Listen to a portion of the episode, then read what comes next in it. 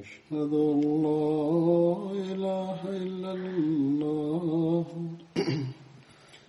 وحده لا شريك له وأشهد أن محمدا عبده ورسوله. أما بعد فأعوذ بالله من الشيطان الرجيم. بسم الله الرحمن الرحيم. الحمد لله رب العالمين. الرحمن الرحيم. مالك يوم الدين. إياك نعبد وإياك نستعين اهدنا الصراط المستقيم. صراط الذين أنعمت عليهم. غير المغضوب عليهم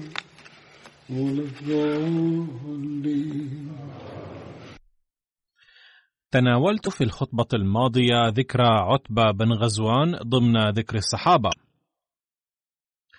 ولا يزال مستمرا وسأذكر اليوم بعض الأمور الأخرى في هذا السياق.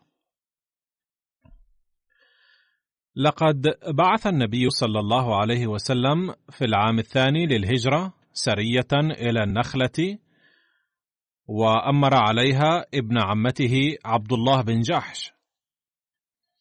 وكان عتبة في هذه السرية. لقد ذكرت بعض تفاصيلها في ذكر أحد الصحابة وأذكر باختصار بعض الأمور المتعلقة بها هنا أيضا.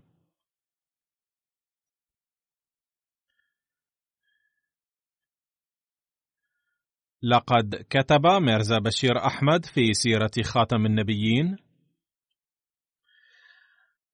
أراد النبي صلى الله عليه وسلم أن يستطلع تحركات قريش عن كثب.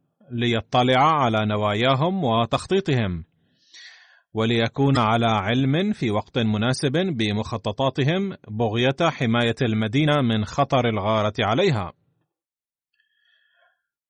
فشكل صلى الله عليه وسلم جماعة متكونة من ثمانية من المهاجرين. وبمقتضى الحكمة ضم إليها رجالا من قبائل مختلفة من قريش ليسهل استكشاف نوايا قريش الخفية.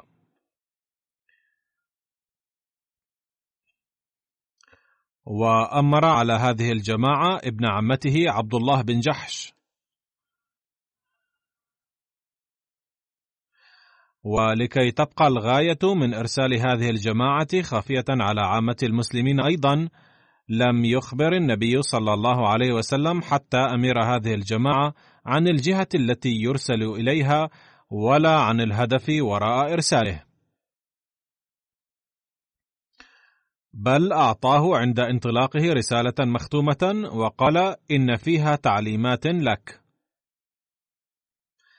وعليك أن تسافر من المدينة إلى جهة كذا وافتح الرسالة بعد أن تقطع مسافة يومين واعمل بما ورد فيها. فلما قطع مسافة يومين فتح عبد الله رسالة النبي صلى الله عليه وسلم فوجد فيها أن اذهب إلى وادي النخلة الكائن بين مكة والطائف واستطلع أحوال قريش وأخبرنا بها. وكان هناك تعليم آخر مكتوب في نهاية الرسالة أنه إذا كان أحد من أعضاء الجماعة مترددا في البقاء فيها بعد علمه بطبيعة المهمة وأراد العودة فله ذلك. أي عندما تقرأ هذه الرسالة وتفهم الهدف من مهمة هذه البعثة أو السرية عند ذلك إن تردد أحد أفراد هذه البعثة أو اعترض على لا يكره على البقاء.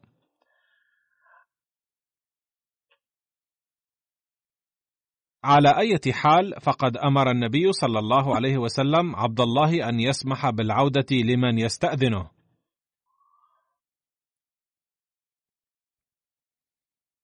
قرأ عبد الله هذا الأمر على مسامع أصحابه، وقدم الجميع أنفسهم بالإجماع وبكل سرور لهذه المهمة وقالوا: نحن مستعدون لذلك. ثم رحلت هذه الجماعة إلى النخلة وفي الطريق فقدوا جمل سعد بن أبي وقاص وعتبة بن غزوان. فانفصلا عن أصحابهما في البحث عن بعيريهما الذي فقداه. ولم يتم العثور على سعد بن أبي وقاص وعتبة بن غزوان على الرغم من البحث الكثير. بقي الآن في الجماعة ستة أشخاص فقط.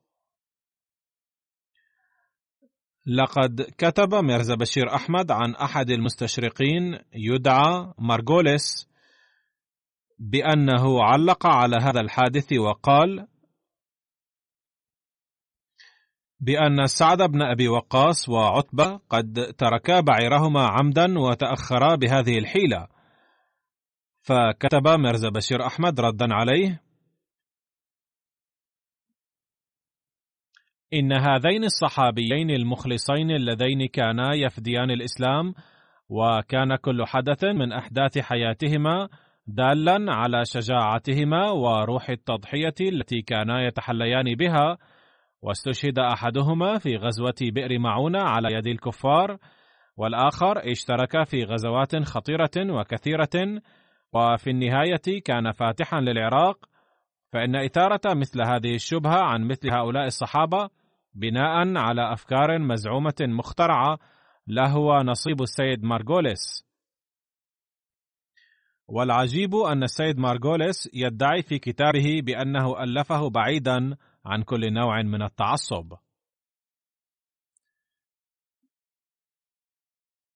على أي حال هذه هي طريقتهم بأنهم لا يفوتون فرصة للاعتراض على الإسلام والمسلمين. والآن أعود إلى واقعة هذه السرية. لقد وصلت هذه الجماعة الصغيرة إلى النخلة وانشغلت في عملها، أي استطلاع نوايا كفار مكة. وهل ينوون الهجوم على المدينة أو ما هو تخطيطهم؟ وحلق بعضهم رؤوسهم ناوين إخفاء مهمتهم حتى يظن الناس أنهم جاءوا معتمرين فلا يشكوا في أمرهم. وفي أحد الأيام وصلت إلى هناك قافلة صغيرة لقريش تمر بهم في طريقها من الطائف إلى مكة وواجهت الجماعتان بعضهما.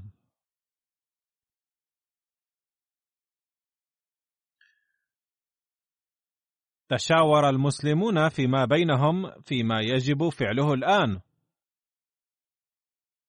لأنهم كانوا قد أرسلوا لاستعلام أخبار قريش سرا. ولم يرسلوا للمهاجمة المخططة. ولكن من ناحية ثانية كانت الحرب قد بدأت مع قريش. إذ كان الفريقان في مواجهة بعضهما البعض. وبما أن قافلة قريش قد رأتهم فكان خطرا بطبيعة الحال ألا تبقى مهمة استعلام أخبارهم خافية على قريش. وكانت هناك مشكلة أخرى.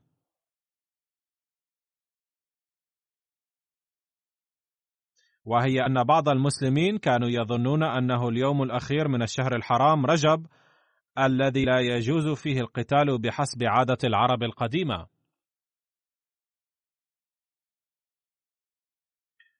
وكان البعض يرون أن شهر رجب قد انتهى وبدأ شهر شعبان. وجاء في بعض الروايات أن هذه السرية كانت قد أرسلت في جماد الآخرة. فكان هناك شك فيما إذا كانت هذه أيام جماد الآخرة أم أيام رجب. كان وادي النخلة واقعا على حدود منطقة الحرم. وكان واضحا أنه لو لم يتم البت في الأمر اليوم لدخلت القافلة في اليوم التالي منطقة الحرم التي لا بد من احترام حرمتها.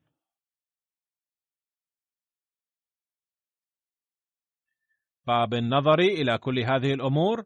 قرر هؤلاء المسلمون الستة أن يهاجموا قافلة قريش ليأسروا أهلها أو يقتلوهم. فأغاروا عليهم وقتل أحد الكفار وأسر اثنان. وفار الرابع هاربا ولم يتمكن المسلمون من القبض عليه. وبذلك لم تنجح خطتهم لأسرهم أو قتلهم نجاحا كاملا. واستولى المسلمون على أمتعة قافلة الكفار كلها. ولما كان أحد أفراد القافلة قد فر هاربا وكان من المتوقع أن يصل خبر هذه المواجهة إلى مكة فعاد عبد الله بن جحش أيضا إلى المدينة فورا مع أصحابه ومال الغنيمة الحاصل من هذه المواجهة. يعترض هنا السيد مارغوليس فيقول إن محمدا صلى الله عليه وسلم قد أرسل هذه الجماعة من المسلمين في الشهر الحرام قصدا ظنا منه أن قريش سيكونون غافلين في هذا الشهر وبالتالي ستكون للمسلمين فرصة سانحة ويقينية لمهاجمة القافلة وسلبها. ولكن يمكن أن يفهم كل عاقل أنه لا يمكن إرسال مثل هذه الجماعة الصغيرة إلى تلك المنطقة البعيدة من أجل مهاجمة القافلة وسلبها. ولا سيما إذا كان مركز العدو قريبا جدا من مسرح الأحداث. ثم ثبت تاريخيا بشكل قطعي أن هذه الجماعة قد أرسلت لاستطلاع الأخبار. فلما بلغ النبي صلى الله عليه وسلم أن هذه الجماعة من الصحابة هاجموا القافلة سخط كثيرا. ولما عادت هذه الجماعة إلى النبي صلى الله عليه وسلم وسردوا له القصة وأطلعوه على ما جرى سخط صلى الله عليه وسلم كثيرا. وقال ما مفاده؟ لم آذن لكم أن تقاتلوا في الشهر الحرام ورفض أن يأخذ مال الغنيمة. فندم عبد الله بن جحش وأصحابه كثيرا وظنوا أنهم هالكون نتيجة سخط الله ورسوله عليهم. ولامهم بشدة الصحابة الذين كانوا في المدينة وقالوا ما هذا الذي فعلتموه. ومن ناحية ثانية أثارت قريش ضجة بأن المسلمين نقضوا حرمة الشهر الحرام. ولما كان المقتول في هذه المواجهة أي عمرو بن الحضرمي من الرؤساء وكان حليفا أيضا لعتبة بن ربيعة رئيس مكة لذا فقد أشعل هذا الحادث نار غضب قريش. وبدأوا يستعدون للهجوم على المدينة بشدة أكثر من ذي قبل. باختصار بدأت الأقاويل حول هذا الحادث بين المسلمين والكفار وقيل أنهم هاجموا في الشهر الحرام. وأخيرا نزل الوحي التالي في القرآن الكريم مطمئنا للمستجبهم أن القتال في الشهر الحرام مكروه جدا ولكن منع ناس من دين الله قهرا في الشهر الحرام والكفر بالشهر الحرام والمسجد الحرام أي نقض حرمتهما وإخراج سكان الحرم منه قهرا كما تفعلون أيها المشركون. كل هذه الأمور أسوأ عند الله من القتال في الشهر الحرام. وإن عيث الفتنة في البلد في أثناء الشهر الحرام أسوأ عند الله من القتل الذي يكون لدرء الفتنة. فيا أيها المسلمون هذا هو حال المشركين أنهم قد عموا في عداوتكم لدرجة لن يرتدعوا عن قتالكم في أي وقت وفي أي مكان. ويستمرون في قتالهم هذا حتى يردوكم عن دينكم إن استطاعوا. يثبت من التاريخ أن زعماء قريش كانوا يستمرون في مؤامراتهم الدامية في الشهر الحرام أيضا بل كانوا يسارعون أكثر في مكائدهم المبنية على الفتنة والفساد في الأشهر الحرم مستغلين الاجتماعات والأسفار فيها. كذلك كانوا ينقلون بوقاحة شديدة أشهر الحرام من مكانها إلى مكان آخر. وكانوا يذكرون هذا الأمر بالنسيء. هذا وقد أوصل كفار مكة وأشياعهم الظلم منتهاه بعد ذلك.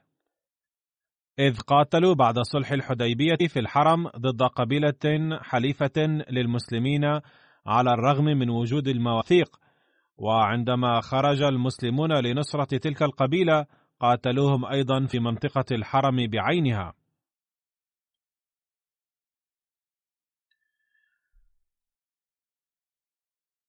هذا الجواب من الله تعالى الوارد في الآية القرآنية قد طمأن المسلمين بطبيعة الحال إلا أن قريشا أيضا هدأوا قليلا. وفي هذه الأثناء وصل ممثلوهم إلى المدينة لتحرير أسيرين منهم. ولما لم يكن سعد بن أبي وقاص وعتبة بن غزوان قد رجعا إلى ذلك الحين. فكان النبي صلى الله عليه وسلم قلقا بشأنهما على أنهما لو وقعا في أيدي قريش سيقتلونهما. لذا رفض النبي صلى الله عليه وسلم إطلاق سراح الأسرى قبل عودتهما. وقال عندما يصل أصحابنا المدينة بخير وعافية سنطلق سراح أصحابكم. فحين عاد سعد بن أبي وقاص وعتبة بن غزوان أطلق النبي صلى الله عليه وسلم سراح الأسيرين مقابل الفدية. ولكن أحد هذين الأسيرين قد تأثر في فترة مكوثه في المدينة بأخلاق النبي صلى الله عليه وسلم الحسنة وبصدق تعليم الإسلام لدرجة رفض العودة على الرغم من إطلاق سراحه. وأسلم على يد النبي صلى الله عليه وسلم حتى قتل يوم بئر معونة شهيدا. إذا إن إسلامه ثم تقديمه التضحية في سبيل الإسلام يكفي للرد على اعتراض مارغوليس ولكن هؤلاء الناس يغضون الطرف عن هذه الأمور عادة. شهد عتبة بن غزوان بدرا وجميع الغزوات بعدها مع النبي صلى الله عليه وسلم. كما شهد خباب وسعد وهما رقيقان اعتقهما عتبة بن غزوان بدرا معه. كان عتبة بن غزوان من رماة النبي المهرة. بعث عمر رضي الله عنه عتبة بن غزوان إلى أرض البصرة ليقاتل أهل أبلة الذين كانوا من الفرس. وقال له عمر رضي الله عنه انطلق أنت ومن معك حتى أقصى أرض العرب وأدنى أرض العجم. وقال له أيضا يا عتبة إني أريد أن أوجهك لتقاتل بلد الحيرة لعل الله سبحانه يفتحها عليكم. فسر على بركة الله تعالى ويمنه واتق الله ما استطعت واعلم أنك ستأتي حومة العدو. وأرجو أن يعينك الله عليهم ويكفيكهم. وقد كتبت إلى العلاء بن الحضرمي أن يمدك بعرفجة بن هرثمة وهو ذو مجاهدة للعدو وذو مكايدة شديدة فشاوره وادعو إلى الله عز وجل. فمن أجابك فاقبل منه ومن أبى فالجزية عن يد مذلة وصغار. وإلا فالسيف في غير هواده واستنفر من مررت به من العرب وحثهم على الجهاد وكابد العدو واتق الله ربك. بعث عمر رضي الله عنه عتبة بن غزوان إلى البصرة مع ثمانمائة نفر وأرسل إليه مددا آخر فيما بعد.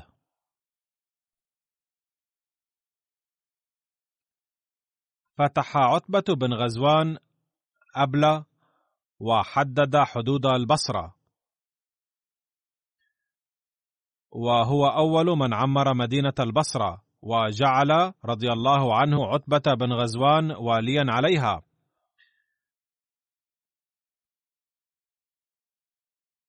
فأقام في الخريبة وهي مدينة قديمة في فارس وتسمى بالفارسية واشتا بازار شيرد.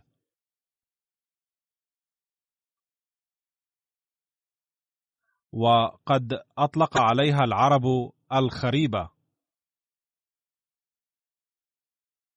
وقد وقعت حرب الجمل قربها.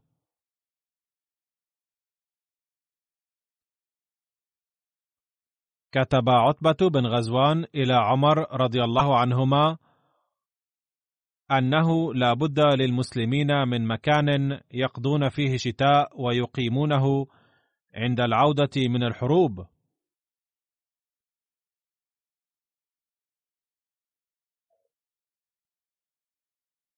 كتب له عمر رضي الله عنه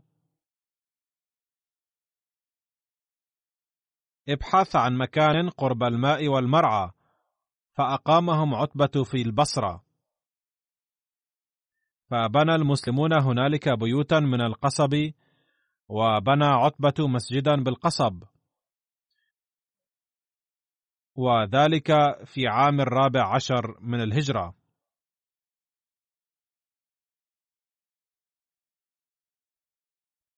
وبنى عتبة رضي الله عنه بيت الأمير في مكان مكشوف قرب المسجد.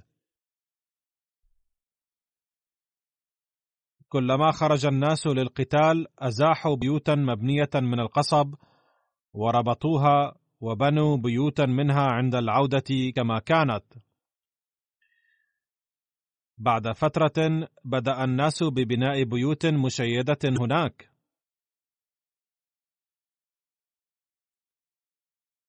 فافتتح عتبة بن غزوان الأبلة ثم اختط مسجد البصرة وأمر محجن بن الأدرع فاختط مسجد البصرة الأعظم وبناه بالقصب.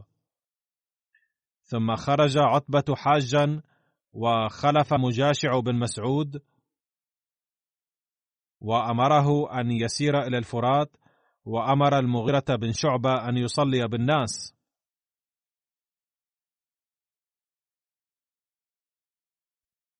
و كان عتبة بن غزوان قد استعفى عمر عن ولايتها فأبى أن يعفيه فقال: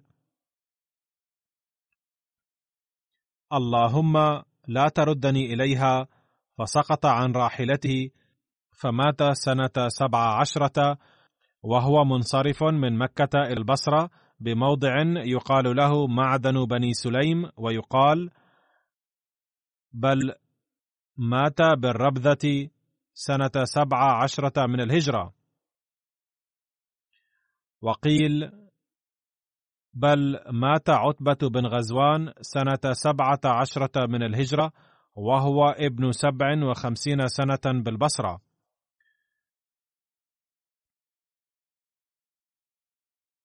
كان عتبة مصابا بمرض البطن. وقيل أنه مات سنة خمسة عشرة من الهجرة. بعد وفاة عتبة جاء مولاه سويد بماله وتركته إلى عمر رضي الله عنه. وقد مات عتبة وهو ابن سبع وخمسين عاما. وكان طويل القامة جميل الطلعة.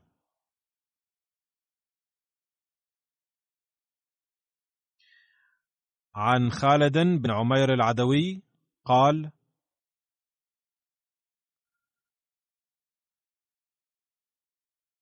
خطبنا عتبة بن غزوان فحمد الله تعالى وأثنى عليه ثم قال بعد فإن الدنيا قد آذنت بصرم وولت حذاء وإنما بقي منها صبابة كصبابة الإناء وأنتم منتقلون عنها إلى دار لا زوال لها. فانتقلوا منها بخير ما بحضرتكم فإنه ذكر لنا أن الحجر يلقى من شفير جهنم فيهوي سبعين عاما لا يدرك لها قعرا والله لتملأن جهنم. أي سيلقى المذنبون في جهنم مثلها. فلديكم فرصة سانحة لتستفيدوا من الحياة في هذا العالم وتتوجهوا إلى كسب الحسنات. هذا ما كان يقصد من قوله.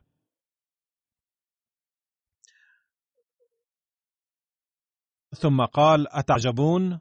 وأخبرتم أن ما بين المصراعين من مصاريع الجنة مسيرة أربعين عاما؟ ولياتين عليه يوم وهو كظيظ بالزحام. لقد رأيتني سابع سبعة مع رسول الله صلى الله عليه وسلم ليس لنا طعام إلا ورق الشجر. أي قد أتى علينا وقت صعب إذ كنا نعيش على أوراق الشجر حتى قرحت أشدقنا. ثم يقول عن نفسه إني وجدت بردة فشققتها فأعطيت سعد بن مالك نصفها. فصنعت ازارا من النصف ومن النصف الآخر سعد لغطاء جسمه. أي كنا نعيش الفقر حيث لم يكن يتوفر لنا رداء كامل لستر أجسادنا. وما منا اليوم رجل إلا وهو أمير على مصر من الأمصار. وأعوذ بالله أن أكون في نفسي عظيما وعند الله صغيرا. قال ذلك تواضعا إنه يرى نفسه صغيرا جدا. الآن قد تغيرت الأوضاع وحصلت السعة لذا يجب أن تخافوا كثيرا. ثم قال لم تكن نبوة فتطاولت إلا تناسخت ملكا.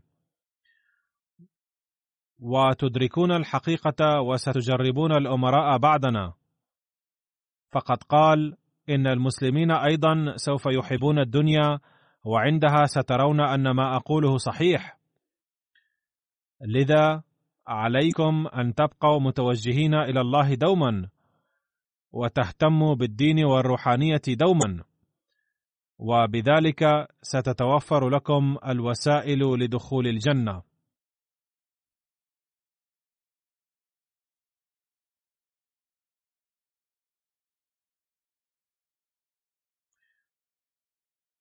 والصحابي التالي الذي أود أن أذكره اليوم هو سيدنا سعد بن عبادة.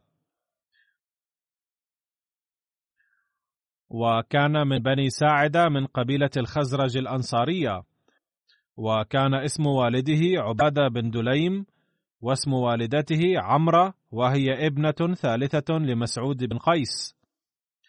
والدته أيضا تشرفت بمبايعة النبي صلى الله عليه وسلم. كان سيدنا سعد بن عبادة ابن خالة سيدنا سعد بن زيد الأشهلي الذي كان من أهل بدر. كانت لسعد بن عبادة رضي الله عنه زوجتان إحداهما غزية بن سعد فولدت له سعيدا ومحمدا وعبد الرحمن والثانية فقيهة بنت عبيد التي ولدت له قيسا وأمامة وسدوس. كانت مندوس بنت عبادة أخت سيدنا سعد بن عبادة التي تشرفت بمبايعة النبي صلى الله عليه وسلم وكانت لسعد بن عبادة أخت أخرى اسمها ليلى ابنة عبادة وهي الأخرى تشرفت بالإسلام. كان سعد بن عبادة رضي الله عنه يكنى أبا ثابت وذكر البعض أن كنيته أبو قيس. ويبدو أن القول الأول هو الصحيح أي أبو ثابت. كان سيدنا سعد بن عبادة نقيبا لقبيلة خزرج الأنصارية. وكان سيد القوم وكريما وكان حامل لواء الأنصار في كل الغزوات. كان سيدنا سعد ذا وجاهة وسيادة في الأنصار وكان قومه يقبلون سيادته. وكان في الجاهلية أيضا يعرف الكتابة باللغة العربية. مع أنه في ذلك العصر كان قليل يعرفون الكتابة وكان ماهرا في السباحة والرماية أيضا. والذي كان ماهرا في هذه الأمور يعد كاملا. في العصر الجاهلي كان سيدنا سعد بن عبادة وقبله آباؤه يعلنون من حسنهم أن الذي يريد اللحم والشحم فليأتي إلى حصن دليم بن الحارثة.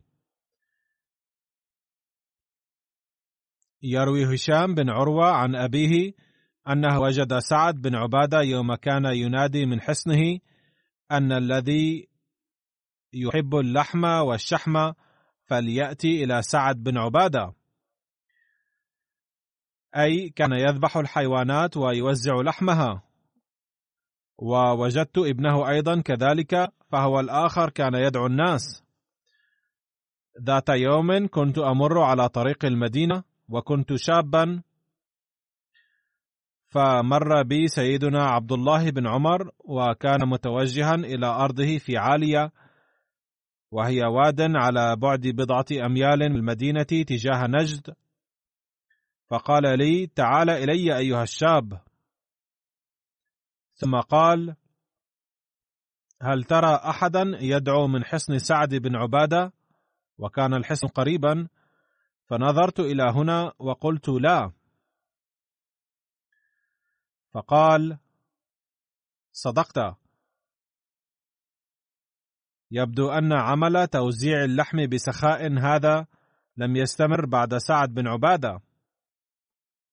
لذا قد سأله سيدنا عبد الله بن عمر. يقول سيدنا نافع أن عبد الله بن عمر مر من حصن سيدنا سعد بن عبادة. فقال لي يا نافع هذه بيوت آبائه.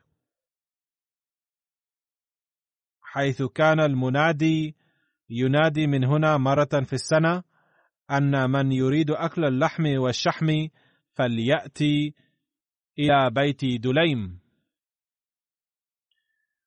وبعد وفاة دليم ظل يعلن ذلك عبادة وبعد وفاته ظل يعلن ذلك سعد. ثم رأيت قيس بن سعد يفعل ذلك. فكان قيس من أجود الناس وكريما جدا. فمن هذه الرواية اتضح أن هذه العادة استمرت حتى أولاده وبعد ذلك تغيرت.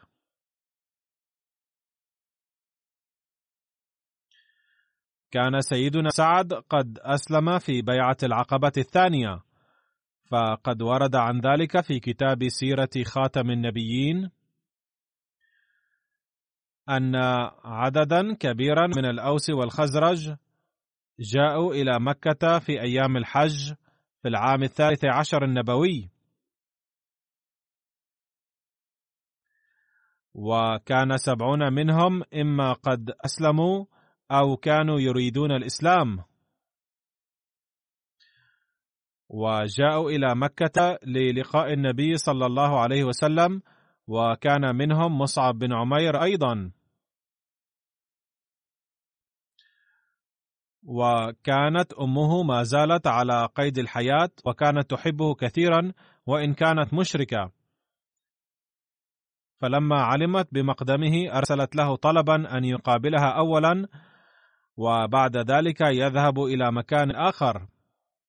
فرد عليها مصعب إني حتى الآن لم أقابل النبي صلى الله عليه وسلم فسوف آتي لزيارتك بعد لقاء النبي صلى الله عليه وسلم. ثم جاء إلى النبي صلى الله عليه وسلم وأطلعه على أهم الأمور ثم جاء إلى أمه. فكانت غاضبة جدا منه لأنه لم يقابلها اولا. فبكت كثيرا واشتكت. فقال لها مصعب يا اماه أقول لك امرا جيدا وهو نافع لك كثيرا ويحسم كل النزاعات. فقالت ما هو؟ فقال لها مصعب بهدوء إنما هو أن تترك الوثنية وتسلمي وتؤمني بالنبي صلى الله عليه وسلم. فكانت مشركة قوية فبدأت تصرخ بسماع ذلك مقسمة بالنجوم أني لن أدخل دينك ابدا. وطلبت من أقاربها إشارة أن يمسكوا بمصعب ويحبسوه لكنه كان متنبها فانفلت منهم ركضا. لقد ورد بخصوص بيعة العقبة الثانية أن النبي صلى الله عليه وسلم كان قد علم من مصعب رضي الله عنه بمجيء الأنصار وكان بعضهم قد قابلوه أيضا على انفراد. لكنه لما كانت هناك حاجة للقاء جماعي على انفراد لذا قد حدد التاريخ الأوسط من ذي الحجة بعد مناسك الحج. بحيث تقرر أن يأتي هؤلاء في منتصف الليل إلى العقبة التي قابلوه في العام الماضي ويقابلوه صلى الله عليه وسلم لكي يتمكن من الحديث معهم بهدوء وتركيز. وأوصى رسول الله صلى الله عليه وسلم الأنصار ألا يخرجوا إلى العقبة جماعة بل يأتوها فردا فردا أو اثنين اثنين. ولا ينبه نائما ولا ينتظر غائبا بل يأتي من هو حاضر. فلما جاء اليوم الموعود خرج رسول الله صلى الله عليه وسلم منفردا بعد أن انقضى من الليل ثلثه وأتى عمه العباس ليأخذه معه. وكان العباس مشركا لكنه كان يحب الرسول صلى الله عليه وسلم وكان زعيم بني هاشم. فخرجا وأتيا العقبة. ولم يلبثا حتى بدأ الأنصار يصلون متسللين رجلا رجلا واثنين اثنين. وكانوا سبعين شخصا. وكانوا من قبيلتي الأوس والخزرج كلتيهما. وكان العباس عم الرسول صلى الله عليه وسلم أول متكلم فقال يا معشر الخزرج إن محمدا كما رأيتم في عز ومنعة في عشيرته وقد منعناه حتى اليوم عن كل خطر ولكنه يريد الآن ترك وطنه إليكم. فإن أردتم أن تأخذوه عندكم فلا بد لكم من حمايته عن كل عدو. فإن كنتم مستعدين لذلك وإلا فيجب أن تخبروا الآن صراحة لأن القول الصريح هو الأفضل. وكان البراء بن معرور سيدا وكبيرا بين الأنصار فقال للعباس قد سمعنا ما قلت لكننا نريد أن يتكلم رسول الله صلى الله عليه وسلم بنفسه. فتلا رسول الله صلى الله عليه وسلم آيات من القرآن الكريم وألقى خطابا وجيزا بين فيه تعاليم الإسلام وحقوق الله وحقوق العباد. وقال كل ما أريده منكم هو أن تمنعوني مما تمنعون منه نساءكم وأبناءكم لو اقتضى الأمر. ولما أنهى صلى الله عليه وسلم خطابه أخذ البراء بن معرور بيده كعادة العرب وقال نعم يا رسول الله والذي بعثك بالحق لنمنعنك مما نمنع منه أنفسنا فبايعنا يا رسول الله صلى الله عليه وسلم. فقد ترعرعنا تحت ظلال السيوف. وبينما كان البراء يكلم رسول الله صلى الله عليه وسلم قاطعه أبو الهيثم بن التيهان فقال يا رسول الله إن بيننا وبين يهود يثرب أواصر قديمة. وسوف تنقطع هذه العلاقات لو صرنا حلفاء لك. فهل عسيت إن نحن فعلنا ذلك ثم أظهرك الله أن ترجع إلى قومك ووطنك وتدعنا؟ فتبسم رسول الله صلى الله عليه وسلم وقال بل دمكم دمي أحارب من حاربتم وأسالم من سالمتم. فنظر العباس بن عبادة بن نضلة الأنصاري إلى القوم وقال هل تدرون على ما تبايعون هذا الرجل؟ إنكم تبايعونه على حرب الأحمر والأسود من الناس. أي أن كل قوم سوف يعادونكم ببيعة النبي صلى الله عليه وسلم. فضعوا هذا في الاعتبار وكونوا جاهزين لكل تضحية. فقال القوم نعم نحن نعلم هذا ولكن ما لنا بذلك يا رسول الله إن نحن وفينا؟ قال يعطيكم الله الجنة التي هي أكبر ما عنده من جزاء ومكافأة. فقالوا كلهم نرضى بهذه الصفقة. ابسط يدك يا رسول الله. فبسط النبي صلى الله عليه وسلم يده فباعت جماعة من سبعين فدائيا أنفسهم لرسول الله صلى الله عليه وسلم في هذه المعاهدة الدفاعية وتسمى بيعة العقبة الثانية. ثم بعد البيعة قال رسول الله صلى الله عليه وسلم لهم لقد اتخذ موسى من قومه اثني عشر نقيبا وأريد أن أجعل عليكم اثني عشر نقيبا ويكونون كفلاء على قومهم ككفاءة الحواريين لعيسى بن مريم ومسؤولين عن قومهم عندي. فأخرجوا إلي منكم اثني عشر اسما ممن ترونهم أهلا لذلك. فاقترحوا اثني عشر شخصا فوافق النبي صلى الله عليه وسلم عليهم وجعل كل واحد منهم مسؤولا عن كل قبيلة وعشيرة وشرح لهم واجباتهم وجعل لبعض القبائل نقيبين. بعدها أوصى العباس بن عبد المطلب الأنصار بأخذ الحيطة القصوى مخافة أن يصل قريشا خبر هذه المعاهدة فتحصل المشاكل. لأن عيونهم منتشرون في كل مكان. وبينما هو يوصيهم إذ صرخ الشيطان من رأس العقبة في ظلمة الليل أي كان هناك شخص مختف يتجسس عليهم قال يا أهل قريش هل لكم ما يجري بين مذمم والعياذ بالله والصبات أي المرتدين معه من تفاوض وعهد؟ ففاجأ الصوت الجميع ولكن رسول الله صلى الله عليه وسلم ظل مطمئنا وقال لهم ارجعوا إلى رحالكم كما جئتم رجلا رجلا أو اثنين اثنين. فقال العباس بن عبادة بن نضله الأنصاري يا رسول الله إنا لا نخاف أحدا لئن شئت لنميلن على قريش غدا بأسيافنا وننتقم منهم على اضطهادهم. فقال رسول الله صلى الله عليه وسلم لم أؤمر بذلك بل تسللوا إلى رحالكم.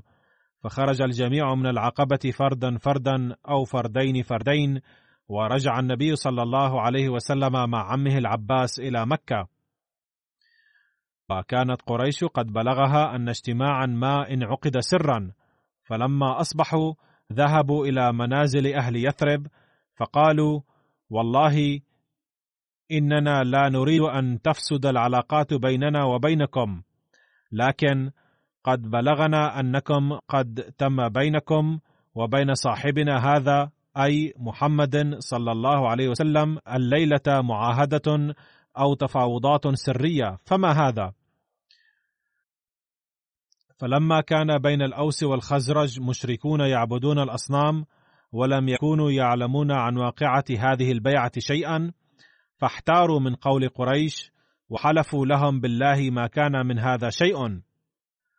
وكان من هؤلاء عبد الله بن أبي بن سلول الذي صار فيما بعد رأس المنافقين في المدينة فقال لقريش لم يحصل أي شيء كهذا. فأنى لأهل يثرب أن يعقدوا معاهدة كهذه دون علمي بها. وهكذا زال ما كان عند قريش من شك ورجعوا. وبعد قليل خرج الأنصار إلى يثرب ولكن بعد رحيلهم تأكدت قريش من صحة الخبر بأن أهل يثرب قد عقدوا بالفعل معاهدة مع النبي صلى الله عليه وسلم. فخرج بعضهم على إثر أهل يثرب ولكن قافلتهم قد ذهبت بعيدا. وكان سعد بن عبادة تخلف عن قافلة أهل يثرب لسبب من الأسباب فقبض عليه أهل مكة وأوسعوه ضربا وجروه من ناصيته على أرضها الكثيرة الحجارة. وبلغ ذلك جبير بن معطم وحارث بن الحرب وكانا من معارف سعد فأنقذاه من ظلم قريش. لا يزال هناك بعض المواد عن سعد بن عبادة وسوف أذكرها في الخطبة القادمة إن شاء الله.